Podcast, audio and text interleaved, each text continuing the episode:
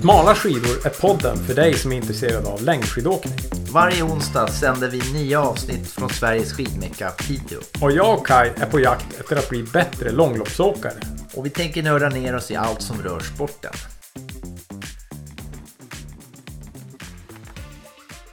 Tjena Kai!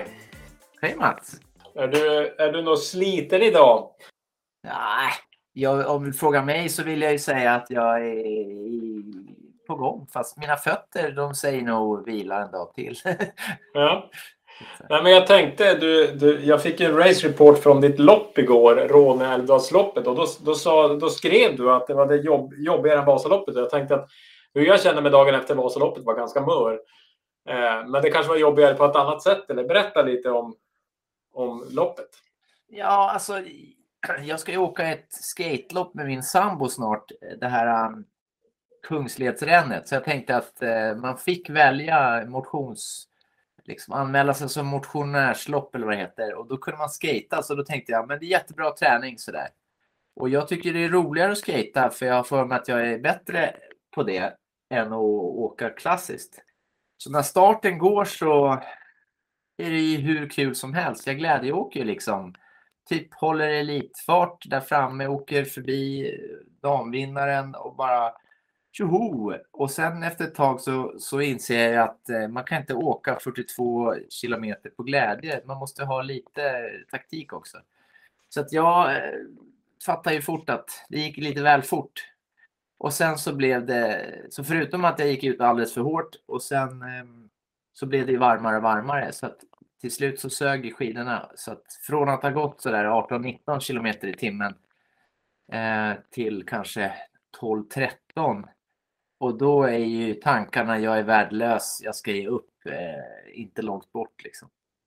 um, så det var väldigt ansträngande, också höften. Jag hade inte skatat då så mycket. Så, att, eh, så jag fuskstakade faktiskt. Det gick, jag började mäta så här, men shit, jag är bättre på att staka än på att skata. Eh, jag ställde mig liksom eh, och började staka och fick upp hastigheten och så tänkte jag, ja, man blir faktiskt bra på det man tränar på. Men det var lite sent att rigga om så att säga. Men det var, nu så efteråt så var det bra träning och jag körde ju skatebackintervaller kvällen innan. Mm. Så det var, jag var inte jätteutvilad, men, men en bra träning så att säga. Det kanske inte var bästa taktiken, men, men eh, vi, hör ju, vi hörde ju från bland annat Tobbe Åhman att han, han tränar ända in i planket och sen tävlar. Så att det kanske är bra för att bygga hårdhet på något vis. Ja, om jag nu ska bli tuff på gamla dagar så är det, är det dags att köra några hårda pass ibland. Ja, det är bra. Men arret var väldigt bra. Det var ett väldigt fint arrangemang. Det är så A till B-lopp. Att man åker liksom. Eh, så man blev ju aldrig varvad hur, då, hur, hur sakta man än åkte. Och så kom det nya åkare efter 25. Var det 42 och sen var vi 25 så var det ny start och så var det vid 6. Så, så det dök ju upp åkare som man fick jaga eh, sådär. Det var väldigt mm. platt. Eh, monotont och jobbigt. Man måste umgås med sig själv under loppet så att säga. Och en träpokal, eller en träskulptur eller någonting såg jag att ni fick också. Ja, det var typ någon fråne Pacman såg det ut som. På en liten stubbe. Ja, snyggt. Efter loppet här igår så la jag mig och kollade på Birkebeiner och, och jag gissar att du har sett det också? Ja, jag, jag, det är ju, vi var uppe i stugan och, och eh, det är ju verkligen en fröjd att få se lopp på SVT. Eh, så att ja, jag har sett, sett och eh, imponerats av det. Och jag har faktiskt tänkt, jag, jag, en jobbarkompis fick en eh, present att eh, åka Birkebergloppet. Tibban för övrigt, som jag har varit i podden. Eh, och jag som tänkte, ja men det ska åka. Men jag, jag, jag, vet inte om jag blev mer sugen nu när jag såg karaktären, för det var mycket uppför i detta lopp alltså. Det känns alltså, som att det kommer... helikopterperspektiven som de filmade ifrån, det var ju mastigt, men det var också så här, oj, det där såg jobbigt ut. Ja, nej, jag, jag, tänker att det är ett evigt gnet och så kanske det till och med är så. Man såg ju fleten i nedförsbacke. Jag vet inte om du tänkte på det, men, men hon, hon gick ju mellan spåren och nästan plogade lite grann. Eh, och då är hon ändå mm. professionell skidåkare. Så när jag kommer där, hur kommer jag att känna? Så att, för det är ju skräcken att man liksom, man åker upp då och, och så tänker man nu ska jag få vila ner och så blir det bara liksom en ångest ner också. Att det är liksom för snabbt och för brant. För de åkte ändå 50 kilometer i timmen.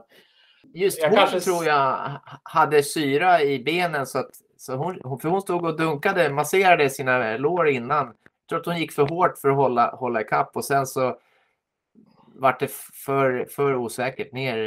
Det var min hobbyanalys hemifrån soffan. Ja. Jag är riktigt imponerad av den, för jag tänkte inte på det. Då gjorde inte kommentatorerna heller. Så att man kanske ska ha Kaj istället som kommentator, känns det som.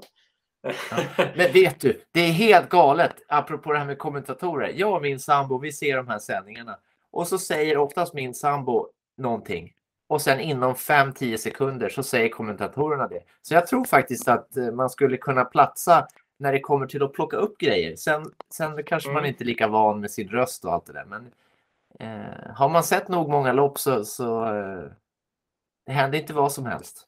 Men det var ett spännande men- lopp. Det var ju Ja, snygg teknik eh, och det var den här teamkörningen från Team Ragge för herrarna. eh, Det är ju coolt och när de fick, fick utskällningen där också att de, de gjorde fel liksom. Ja. det, Ja, tyckte jag Nej, att det var roligt. men men jag, jag, eh, vi, vi har ju, på tal om eh, våran Instagram, så, så vi har ju, dels har vi passerat 500 följare och det är ju kul. Men, och det innebär ju också att vi får lite mer interaktion. Och Jag tycker nästan varje dag ramlar det in någon klokskap från våra lyssnare. Och bland annat hade vi en kille som heter Otto Fricke eh, som hade lyssnat på Lag om konditionspodden med intervjun med Astrid Öreslind. Och jag har själv lyssnat på den idag. En väldigt bra intervju tycker jag. Bortsett från att det tog 48 minuter innan de började med intervjun. Men, men annat, än- annat än dess eh, så, så var den intressant. Och, och, eh, men då, då skriver han så här. Hur är det möjligt att staka så majestätiskt att Johaug ser ut som en nybörjare?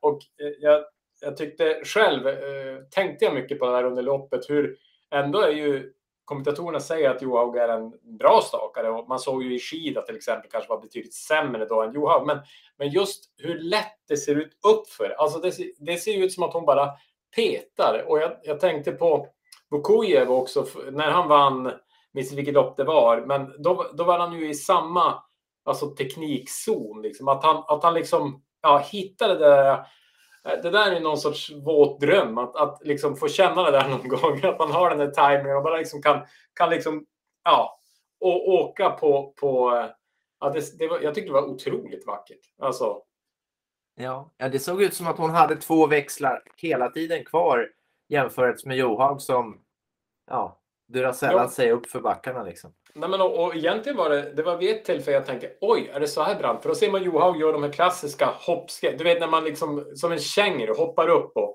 det var någon så här kulle när hon liksom verkligen så, och så men man ser inte på Celine att det är brant. Hon som bara, ja, eh, trycker till kanske, men, men det var, ja, det, det tyckte Ja, jag hon var... lyfte inte sina hälar eh, mycket. De möjligtvis lättade lite, men det var sån skillnad för jag tänkte just Johaug, Johaug eh, och, och, och Gärdalen, båda liksom hoppar nästan Mm. uppför, liksom skuttar på, från skidorna medan nej, hon åkte väldigt snyggt och gissar energisnålt också. Precis. Nej, men och, och, och, eh, de, de frågar ju podden här också, det var ju innan det här loppet, då, men, men eh, hur mycket teknik hon tränar. För att det kommenteras ju också, Vasaloppet var ju också mycket teknik. Alltså där såg man också att Slin, att tekniken satt bra. Och då, då frågar man liksom hur mycket teknik eh, hon tränar och då säger hon då typ, ja men hon tränar teknik varje dag och både lugnt och hårt. Och, och så säger hon också att hennes pappa har liksom eh, varit delaktig sedan hon var åtta år. Eh, och även är på hon mycket med eh, sådär och mycket filmar och tränar ju också med Chris André och Syrstad varje dag som är ju då snabbare åkare. Så det är klart, då måste du ju liksom kanske också hitta snabb teknik. För det är ju det som är så intressant med de här loppen när de då får chans att åka med killar. Jag tror då ställs ännu högre krav på att kunna få ihop tekniken. För det kan ju jag känna när man hamnar eh, ja, men med, med de som är för snabba för en själv. Att det, det är kanske inte pu- eh, pumpen utan det är mera att man inte är van att åka så fort. Jag vet eh, Ja, hon har fått som är... där, det där stödet sedan hon var åtta år så har vi några år att ta igen då. eh, Om vi ska Ja. bli lika bra med det. Nej men verkligen. Jag vet Oskar som är i vårat gäng som har gått ganska snabbt upp till startled 1. Eh, han har ju också sagt det någon gång att det, liksom, det, alltså, det var det som var den stora utmaningen egentligen. Alltså att, att åka så fort med, med dem där framme. Så att, nej, men häftigt att se. Jag, jag tänker att jag, jag, jag ska eh, på något vis hoppas man att eh, man kan eh, ja, men, spara det där och se på det. För jag, jag tycker att det, det, är, det är vackert helt enkelt. Och det är kul också för att normalt sett brukar jag tycka stakning är fult. Alltså jag är ju en diagonalare, så jag är ju lite så här äh, att stakning är liksom bara ett gnet och hopp och, och det, det Johaug gör är ju fult. Det ser ut som någon kanin som hoppar upp och ner. Äh, men det, det äh, Slind gör är ju faktiskt, då börjar vi närma oss någon sorts estetik. Och jag är ju en estetiker så att jag, ja, det här tycker jag det är stort. Måste vi ha en disclaimer nu på podden så här att eh, våra åsikter är bara våra åsikter, ingen sanning. Sådär. Ja, vi kan jag, ju jag, kan, säga... jag, kan hålla, jag kan hålla med dig om att eh, diagonal kan vara vansinnigt vackert att se på, men det var väldigt fint eh, just när man ser hur fort det går. Eh, för det är ändå Mm. det som är på något vis, tycker jag, är det roliga. Hur kan man åka fort? Liksom? Nej, och sen eh, i samma intervju pratade de också om eh, ett roligt begrepp att vara Vasabakis och, de var lite oense vad det var. Men, men just att eh, Slind menar på att det är bara två personer av de 15 000 som åker som, som inte är Vasabakis och det är de som har vunnit. Alla andra är deprimerade och tänker på vad de skulle ha gjort bättre. men jag tror att det finns säkert någon som åkt på 6-8 timmar som är jättenöjda. Och inte, men, men det var, man har ju lite så här baksmälla av en, ett Vasalopp, både fysiskt men också det här att tankarna, alltså allt man hade kunnat göra annorlunda. Och, ja, men första dagarna kanske man tänker på ett sätt, men nu två veckor senare så ja, då, då, då kanske man tänker annorlunda också. Så det är ju bra att tänka på att eh, om man tävlar så är ju tä- det finns bara en vinnare i varje tävling. Så om det är 15 000 deltagare så är det 14 990 förlorare som riskerar att få eh, den här bakisen då. Eh, Men eh, Ja, nej. jag gissar att de precis. flesta gör det för att de tycker det är kul. Ja, jag tror det. Och, och jag tror absolut inte att det är 15 000 som har ångest, men det är säkert ganska många eh, på olika sätt. Men eh, ja, nej, men eh, om vi ska fortsätta i spåret här på, på teknik och så, så jag tänkte, vi har ju fått ett mejl från en kille som heter Henrik som är Ja. på ett ämne som vi har pratat ganska mycket om du och jag eh, eftersom vi är åldermän eh, i förhållande till eh, liksom kanske de som tävlar seriöst och så. Men, men just kring ålder och skidåkning. Och vi har ju läst lite grann och sådär. Men det här var, det var intressant. Jag, innan vi går in på frågan från Henrik så kollade jag faktiskt upp på vår Instagram hur vår målgrupp ser ut. Där, där kan man säga att 65 procent av de som Eh, är våra följare är 45 plus. Eh, så att vi, vi har ganska många av våra lyssnare som ligger i, eh, alltså, ja men där vi är egentligen i ålder. Och dessutom då 22 procent som är 35 till 44 år. Så att egentligen är det bara 10 procent av hela lyssnarskalan som är under 35. Så att de flesta är, om man säger över tävlingsåldern, när man kanske slutar i, i alla fall i klassisk skidåkning och sådär, när man har sin peak. Så att många tror jag tänker kanske och, och funderar och vill bli bättre, eh, i, men trots det då att kroppen är i någon sorts förfall. Jag Ja. får inte säga högt. Andra utmaningar. ja, nej, men, ja, men och det är ju en, en stor anledning att jag håller på med längdskidor är ju att jag faktiskt varje år kan bli bättre. Det, hade jag hållit på med höjdhopp så hade det gått åt andra hållet. Så att eh, det, det är en bra sport. Men eh, ska vi, ska vi läsa lite grann här då? Eh, Ja, Vad säger Henrik? Jo, han säger så här att han är 52 bast, så han stämmer in på din profil där.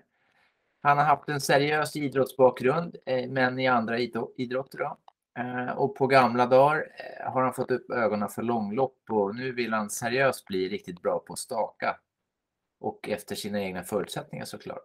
Så eh, han gillar vad vi har gjort när vi har eh, liksom pratat, som när du gjorde den här eh, SVT superbra, eh, bästa eh, stjärnstopp, eh, femstjärniga intervju med Emil Persson. Men det finns ju viss skillnad då. Emil är ju inte 52 år och Emil jobbar med det där och han har tränat typ rätt så många år. Sådär. Och samma eh, nämner då Henrik Anders Åkland som då visserligen är nära i ålder men då har ju tränat 5000 år tror jag, skidor. Eh, Så eh, han undrar precis som du och jag då, hur ska vi med våra förutsättningar bli bättre då? Så jag fick en idé där att du och jag skulle ha en liten diskussion om det här. Vad har vi lärt oss? Vad, liksom, vad har du? För det är lite individuellt såklart, och, så man behöver veta vad man har för förutsättningar. Men jag tänkte det vore kul för mig att höra vad du, vad du har så här kommit fram till att det är dina nycklar som du jobbar med och så kanske vi kommer härifrån med någon form av topp tre, eh, vad säger man då? Topp tre eh, prio på vad som ska Mm. göras bättre. Jag tänker vi kan väl, vi kan ju ta varannan spaning då på något vis så att jag inte bränner alla dina. Det vore ju orättvist. så jag inte copy-pastar dig? du? Ja, Ja. jag skickar eh, pucken till dig då. Ja, nej men och, och, och man kan väl säga någonting som jag... Det hade varit intressant att ha skannat sin hjärna innan vi börjar podda och skanna den nu och se om, om våran bild har förändrats. För vi har ju faktiskt eh, pratat lite grann med det här, bland annat avsnittet med Thomson så var vi inne på det här med ålder. Eh, och, och, så vi har ju ändå tror jag fått lite nycklar, även om vi inte har haft ett fokusavsnitt kring ålder så, så tycker jag att vi, vi... Jag tror både du och jag har liksom tänkt till lite grann. Men om jag ska, om jag ska börja med min första eh, där jag, jag tror, ja där kommer du säkert att ge med mig, men, men gymmet är ju, känns ju centralt i, i satsningen att bli, alltså jag, jag upplever att jag är ganska mycket gubbe i kroppen, om man nu får säga så. Alltså jag ser på min hållning och jag har suttit mycket med skrivbord i mitt liv, alltså i en dator, så att jag, jag har liksom jag, dålig hållning, dålig rörlighet, inte så atletisk. Eh, och där tror jag att det, alltså kan jag liksom lösa de bitarna och det är egentligen både styrka, det är balans, det är rörlighet, alltså alla de grejerna tror jag att jag kan lösa på gymmet. Det tror jag är min nästan eh, alltså viktigaste nyckel eh, för att ta nästa steg. Eh, och där behöver man ju säkert hjälp med, med att hitta liksom bra övningar och bra träningsprogram. Men men det är ju så här, det är också det svåraste att hitta motivation. Alltså att gå in i gymmet jämfört med att köra ett härligt pass ute. Och det är ändå ganska ofta det är bra ute tycker jag. Därav också att min skier liksom står och samlar damm väldigt mycket. Så att, eh, men men det, det är väl det, är det jag känner skulle, det är min första, första punkt egentligen tror jag. Hur ser det ut för dig? Vad, vad... Ja, jag har ju kommentarer här först. Mm. Eh, Innan jag lägger ut mina kort. Nej, men jag, håller med dig. Samtidigt som jag kommer ihåg när vi pratade med Erik Wikström så sa ju han att eh, det beror lite grann på hur mycket tid man har att träna. Tränar man eh, liksom Tränar man mycket, eh, 10 timmar i veckan, och då kommer man få ut mer av gymmet. Men om man tränar fyra så den där timmen i skidspåret kommer ge mer eh, Mm. än timmen på gymmet. Eh, och jag har ju varit anti-gymmare liksom. Eh, men jag har kommit fram till nu då att, att det blir ett gymår helt klart. Så att jag har ju, för min del är gymmet också med för att teorin är att om jag blir starkare så kan jag liksom ta i mindre men, men ändå få samma effekt. Och sen när vi pratade med Thomson så var det också så här med hur mycket power man får ner i backen. Det berättar om hur mycket du kan accelerera, det vill säga hur fort du kan åka. Så det enda mina ögon ser nu när jag tittar på eh, världskuppen och på eh, Visma, det är ju liksom hur stora muskler har de? så så jag, jag är faktiskt, eh, jag, jag, jag, eh, vad säger man när man spelar poker? Jag synar, jag hänger på liksom eh, det här med gymmet. Ja, alltså, man, kan ju inte, man kan ju inte undvika att kommentera Jonas Ulling om man pratar om muskler. Alltså, vi, man har ju dels sett någon bild på hennes ryggtavla eh, på, från gymmet när hon har något linne eller någonting. Och det är ju, ja, det är ju eh, otroligt eh, välbyggt om man säger så. Eh, så att det är klart att den, hennes framfart tror jag eh, handlar om några olika saker. Men, men det är klart att gymmet har en viss eh, också, att hon, att hon ändå har gjort sina timmar. Det är lite som en bulldog, sådär kompakt och stark. Liksom. Otroligt häftigt. Men tänk dig en gymbild bakifrån med ett linne med en sån välbyggd rygg och så ditt huvud på. Eh, inte det en målbild liksom? Fast du får ju kanske byta ut garderoben då. Skjortorna kommer att sitta lite snävt eller? Ja, ja men verkligen. Jag har ju, jag har ju min kompis Thomas, han specialbeställer sina skjortor för att han är så bredaxlad och så är han ju så otroligt smal. Eh, Det kan ju vara lite av en dröm att få göra det. Nu är han ju inte eh, som Jonna, men, men, eh, nej, men det, man får trycka t-shirten där med Jonnas rygg och så, och så ha det som målbild. ja, det är kul. Eh, nej, men jag, och jag tänkte bara för att avsluta vår gemensamma punkt ett då, så vi pratar mycket om det här att ha kul. Och det är väl kanske ja. vår st stora utmaning då. Vi kanske får liksom ha ett eh, specialavsnitt här om, om att ha roligt på gymmet. Hitta roliga övningar. Vi, vet, vi hade när, när vi kastade bollen med varandra och körde, körde magträning. Och, alltså, det måste ju gå att göra gymmet roligare, alltså ännu roligare. Så det kanske får bli, vi får ta in någon, någon sån här kulkonsult eh, kring gym. ja, men det blir det som är roligt, det blir gjort. Eh, eller ja. som man säger här ute på landet, det som man kan göra med traktor, det blir gjort på gården. Resten blir inte gjort. Ja, ja.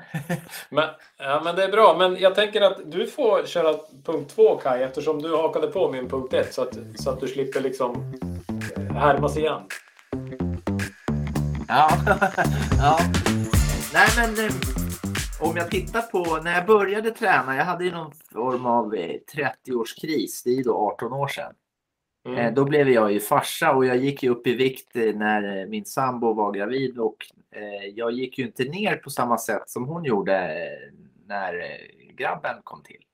Så då började jag ju träna och det jag märkte fort där var att, att jag hade en sån här Runkeeper-app och jag, efter ett tag då såg jag ett mönster av att varannan månad då tränar jag liksom 15 pass och varannan månad 7. Mm. Och sen efter ett tag då såg jag att varannan månad var det 20 pass över tid. Så jag ökade i träningsbelastningen, men det var typ varannan månad. Så jag, jag tränade för hårt, mer än vad jag pallade med. Så jag blev förkyld eller fick något ont eller sådär. Men nu har jag ju märkt att jag tål mer träning eh, 18 år senare. Men framförallt har jag haft några somrar med såna här mängdveckor där jag har liksom tränat 22 eller 30 timmar och typ inte kunnat göra något annat för att det är ett heltidsjobb. Så det gör att jag tror att jag kommer att träna lite hårdare. Eh, alltså speciellt under sommaren, att jag kommer att liksom försöka pressa kroppen. Inte kanske träna mer, men träna hårdare. Liksom. Så under våran, eh, den här banderollen, eh, dyra skidor, dubbel stark sportdryck och hårda intervaller. Så eh, det blir hårdare liksom. Men jag skulle inte säga att det är bra för alla för att man behöver hitta hur hårt blir hårt liksom. Mm. Vad pallar man med? Så jag vill nog inte träna mer, men jag vill nog träna så att det ger mer effekt, tänker jag. Jag vet inte vad det Bra. kallas då. Hårdare. ja, Nej, men, eh, det är roligt för att jag, jag, när, du, när vi pratade igenom det här innan och sa att vi kanske skulle ha några punkter sådär så, så min punkt nummer två, den, där står det hårdhet. Men, men att vi har eh, eh att, att vi har pratat med varandra i, i 22 poddavsnitt kan man tro. Nej, men men däremot så är jag inte helt säker på att den är exakt samma. Men när jag lyssnar på långloppsåkare och eh, då, då pratar de mycket om att vissa pass bygger hårdhet. Och jag, alltså, jag är kanske lite bekväm att de här intervallpassen som man kör som trösklar och sådär, de är ju ja, men mellan 40 minuter och en timme kanske. De är ganska roliga, så även fast de är hårda så tror jag inte de bygger så mycket hårdhet, utan de bygger ju pumpen och sådär. Och så sen de här långa passen så blir jag lätt lite så här äh, bekväm och jag, jag äh, använder frånskjut och jag liksom stannar och dricker. Alltså det är lite för... Så jag tror att de här hårda passen, vi ställde ju också eller, frågan till Emil Persson, så här, långt och lugnt eller långt och hårt. Och långt och hårt, de passen har jag aldrig kört. Alltså att åka nästan så här som ett tidningslopp, åka fyra mil och så liksom åka i alla fall tröskel, alltså att, att bli riktigt slut på de passen.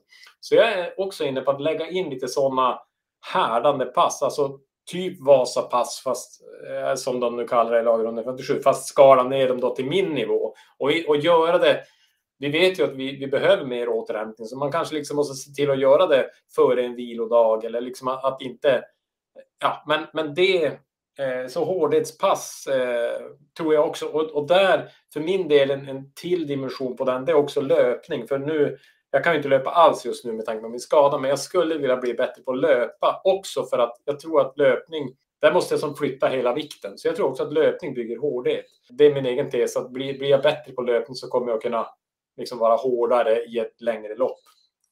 Ja, det är ju nästan eh, tråkigt att hur överens vi är. Eh, liksom, med lite överlappning sådär åt något, och jag trodde det skulle bli så här en, en battle liksom.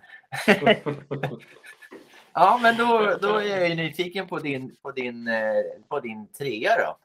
Ja, du får, du får gissa rubriken på den då. Du kan gissa samma som, samma som det du tänker då, men, men eller gissa vad jag tänker. Vad finns det kvar? Det är inte material, för det är inte träning. Nej, Nej men eh, du, du, du hade kunnat gissa den nästan tror jag, men teknik eh, känns Ja, ju som... ja. Och där, där eh, får vi nu se, men, men jag hoppas ju... Vi har ju pratat lite grann med en ny träningsgrupp här som ska igång och, och, och, och jag, med kanske mera tränings eller teknikfokus än tidigare. Och jag, även fast jag har, jag brukar ju ibland filma mig själv och, och, och, och du och jag har ju filmat någon gång på Limux och sådär. Men jag, jag, jag tycker att jag har jobbat ganska mycket med teknik, men jag tycker inte att jag tar åt mig den. Alltså jag, jag försöker, alltså jag vet vad jag ska göra, men lyckas inte realisera det på något sätt. Så någonstans måste jag hitta ett sätt att kanske ta mindre steg eller fokusera på mindre saker. Eller, för eh, det kan vara så här, eh, jag vet ibland när vi åker rullskidor så kan Thomas säga så att han ser att jag liksom lyfter ut armen för jag vill ha bredare mellan armbågarna. Eh, och så tar det en minut och så är de tillbaka smalt igen. Alltså, det är som att jag vet vad jag ska göra, men jag, jag får inte in det i muskelminnet. Så när jag väl åker och när jag tittar på så här, vet, Vasaloppsfilmen man får ifrån någonstans, så, så Ja. tänker jag ju så här, där åker någon 60-årig gubbe. Men oj, det, det är ju det är jag. Ja, eh, och det, alltså, så jag skulle vilja jobb, fortsätta jobba med teknik, men göra det så att jag verkligen tar till mig någonting av det. Sen åker jag ju säkert bättre än för fem år sedan, men, men jag skulle vilja ta större steg eh, tekniskt i sommar. Men, vad- men hur har du gjort då? Alltså när du har tänkt, är det som att du har tänkt, gjort en lista med alla teknikgrejer som du tycker du ska ändra och sen har du typ så rinner det ut i sanden för det är för mycket att tänka på eller, eller hur har du gjort? Nej, men jag, jag, om man säger eh, till exempel när jag har eh, tagit privatlektion av Magdalena Pajala, då har vi oftast gått igenom eh, diagonal, stakning med frånskjut och, och stakning. Och då, och då, hon är ju eh, otroligt duktig på att sammanfatta, så då får jag ju någon sorts text där. Och då, och då, så ofta så har jag ändå kanske en eller två nycklar i varje tekniksätt som jag försöker liksom få mer vikt på stavarna eller, eller eh, ja, ja, det, det, det kan vara olika tekniska delar. Och, och jag tror att jag, jag tar små, små steg. Alltså det blir lite, lite bättre hela tiden. Men det är som att jag inte, jag kan inte liksom förflytta mig. Och, och, och det hade jag också en diskussion. För jag, eh, lite skämtsamt så skickade jag en bild på Emil Persson i en spurt och så på mig själv. Och det var ganska rolig. Eh, Har du någon skillnad Mats? Eh, Ja, exakt. Och de, jag hade klippt in dem i samma bild, så jag sa så här, vad, vad, ja, hur kan vi göra någonting åt det här? Men, men då, då, och då sa jag just det att anledningen att Emil kan ha, han har ju extremt brett mellan armarna, det är att han har byggt upp styrka för att klara av det. Så att en del är ju kopplat till punkt ett här, att jag, för att klara av att hålla emot till exempel, klara av att komma upp, så kan jag inte, jag kan inte bara tänka det och göra det, utan jag måste, jag måste bygga kroppen för det. Så det tror jag är kanske nyckeln till att klara av tekniken här, bland annat i alla fall, att liksom styrka, balans och rörlighet, att, att jag behöver få det.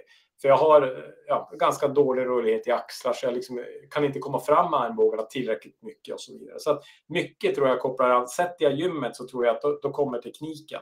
Men jag vill ändå liksom fokusera på du teknik. kopplar teknik, du kopplar punkt 3 med punkt 1 på listan att, att när du tränar styrketräning så gör du sån styrketräning som ska hjälpa dig med den tekniken som du inte än kan göra utan som du vill kunna göra.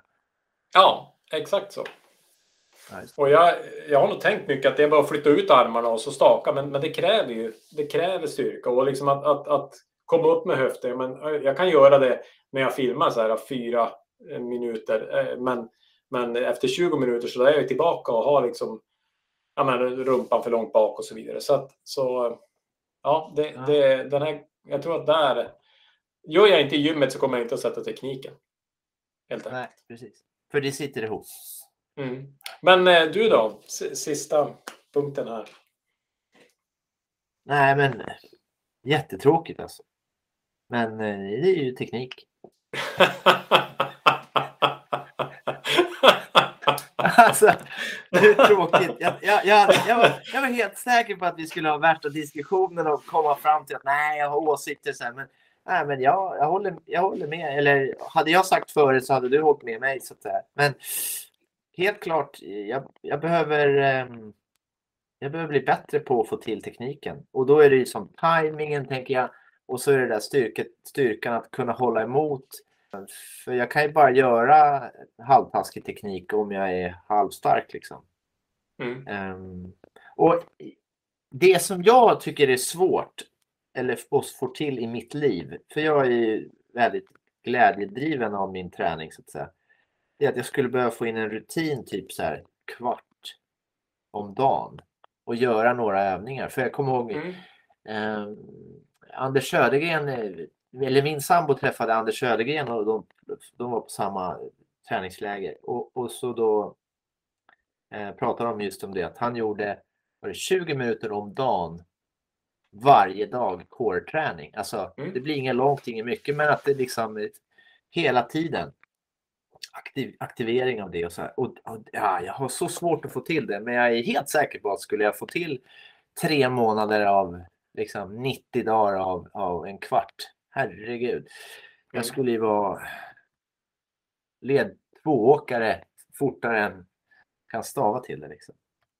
För 90 ja, det... gånger 0,25 timmar. Det är liksom 22,5 timme bara sådär gratis nästan.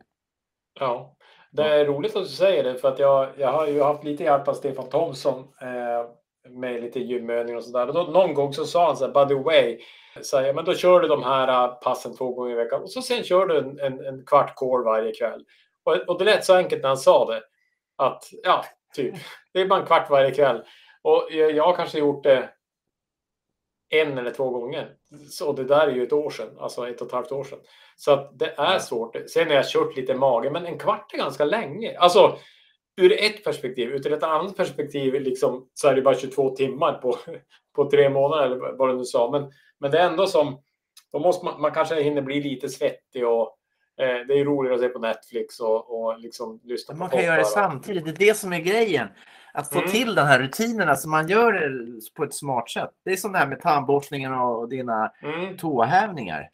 Ja, hur många gånger har jag gjort det? Och jag har ont i fötterna för att jag, det var jobbigt eh, att skata liksom igår. Mm. Och jag fick ju skälla min sambo. Så, ja, du ju göra som Mats, göra tåhävningar varje dag. Så jag, jag, kanske ja, måste det ta an utmaningen och få liksom, Norrbottens starkaste vader eller snyggaste vader. Vad var det du sa en gång? Ja, jag vet faktiskt inte. Mest vältränade kanske? Ja. Ja, men, men det, det, är, eh, det är lite jobbigt när, när enkla sanningar kan vara svaret, men också alltså att man, man har svårt för det enkla. Att uh, klara av det där. Men eh, jag tänker att eh, eh, det var ju ändå det var något roligt i att vi hade samsyn här, men, men vi kommer nog med tanke på att vår lyssnargrupp är ja men eh, vad blir det då 85-90 procent är över 35 år så tänker jag att det inte är sista gången vi kommer att prata om de här frågorna. Och jag vet att eh, Umara har ju någon studie kring det här och det finns eh, Aukland hade varit rolig att ha i podden, eller, alltså, även om då han har en annan bakgrund. Men jag, jag tänker att eh, här, här, finns mycket att prata om i alla fall. Ja, det, och precis. Och det här ska vi på något vis smälta in i livspusslet. Hur får jag ihop mm. min träning? Och, och det, det, vi nämnde väl det förra gången och så här. Alltså, för någon så kanske det skulle vara att liksom få komma ifrån eh, sina vardagsrutiner och, och faktiskt få till träningstid. Det kan vara en, liksom, den viktigaste grejen. För om det bara blir stressigt eller man får problem med, med samarbetet med logistiken hemma och sånt där. Att få till träningen kan ju vara någons... Liksom, eh, nu har ju du och jag det himla förspänt. Vi, mm. vi kan göra det här och fokusera på de här... Nej, precis. Ja, ja. men det bra. Eh, jag, jag, eh, en, en annan insikt jag har gjort i veckan som eh, jag, jag, ja, men jag lyssnar ju väldigt mycket på poddar och jag, dels har jag lyssnat på en ny podd som jag bara tänkte nämna som heter Skidspåret. Jag tror den heter Skidspåret, men det, kan, det är Swix och det är Norge, så det kan, jag vet inte om det är kan ha med valla att göra, men jag tror inte det. För att valla på norska är väl smöra. Va? I alla fall en intressant podd och i, i senaste numret så hade de Tor Asle Gärdalen och Emelie Fleten i eh, ja, men, intervju. Väldigt bra, så den kan jag rekommendera om ni vill lyssna på fler poddar. Eh, och jag gillar ju Tor Asle med tanke på att han åker med Ray-Ban. Jag också brukar göra det vid lopp, så att jag, jag, känner, jag är lite så här eh, jag känner vi är lite i symbios. Eh, jag tycker han är, han är som cool. Ja, men, jo, men jag skulle säga det. Jag lyssnar ju på Vasapodden och de försökte ju reda ut det här med vallan på Vasaloppet. Och jag tror jag aldrig varit med om att det är så förvirrat kring vallan när man har läst. Och jag tänkte också på våra vallarapport eller liksom eh, racerapporter. Hur folk har upplevt det olika på Vasaloppet. Och det är som ingen som riktigt kan förklara det bra. Eh, och det är någon som tyckte att det var varmt och någon som tyckte det var kallt och det har gått på olika rillar och olika fästen. Och jag, i det här så har jag också kommit till insikt att det här med valla är man försöker förklara det enkelt, men just för vissa sådana här förhållanden så känns det väldigt, väldigt svårt också. Och, och, och så svårt att det kanske till och med nästan så att om, om vi pratar pitmålen, nu ska vi inte prata så mycket pitmål, men min pappa brukar säga, här man inte förstår får man lämmen, brukar han säga. och, och, eh, alltså det, man det är därför jag ska staka man... så jag slipper festvalla funderingen. Ja. Nej, men och ibland så tänker jag att det är lite så med, med, med valla, för det var ju det var inte bara festvalla utan det var ju glidvallan också väldigt mycket som diskuterades om eh, huruvida. Men eh, så att det, det, man får bara konstatera att ibland så kanske man inte riktigt eh, förstår. Men jag, jag, vi har ju vi har ju de här snöforskarna på LTU och jag tänker de kanske kan ge oss någon gång eh, att vi skulle kunna ta något specialavsnitt och lära oss lite mer om just snö. För det, ja, för, för mycket av, jag tror, min enkla slutsats varför det var så olika på Vasaloppet, det var för att jag tror att det förändrades mycket under dagen. Eh, alltså eliten åkte på någon typ av skorpa som de alltid gör och de hade en viss vallning. Sen tror jag kanske första tusen åkte på något annat och sista 5000 åkte på något helt annat. Alltså, och det gör ju att när man då jämför samma vallor plus att det pratas mycket om att det var olika på de olika spåren också. Det är ju åtta spår eller vad det är. Så att jag vet Åse, våran tränare, och coach. Hon, hon berättade att hon åkte bäst i vänsterspår. Där åkte också Emil Persson. Det var ju säkert bra eh, när de åkte, men när jag åkte eller du åkte kanske det inte var lika bra. Så att, ja, det går hit och det går dit. Ja, det har vi gjort. Men eh, ja, precis.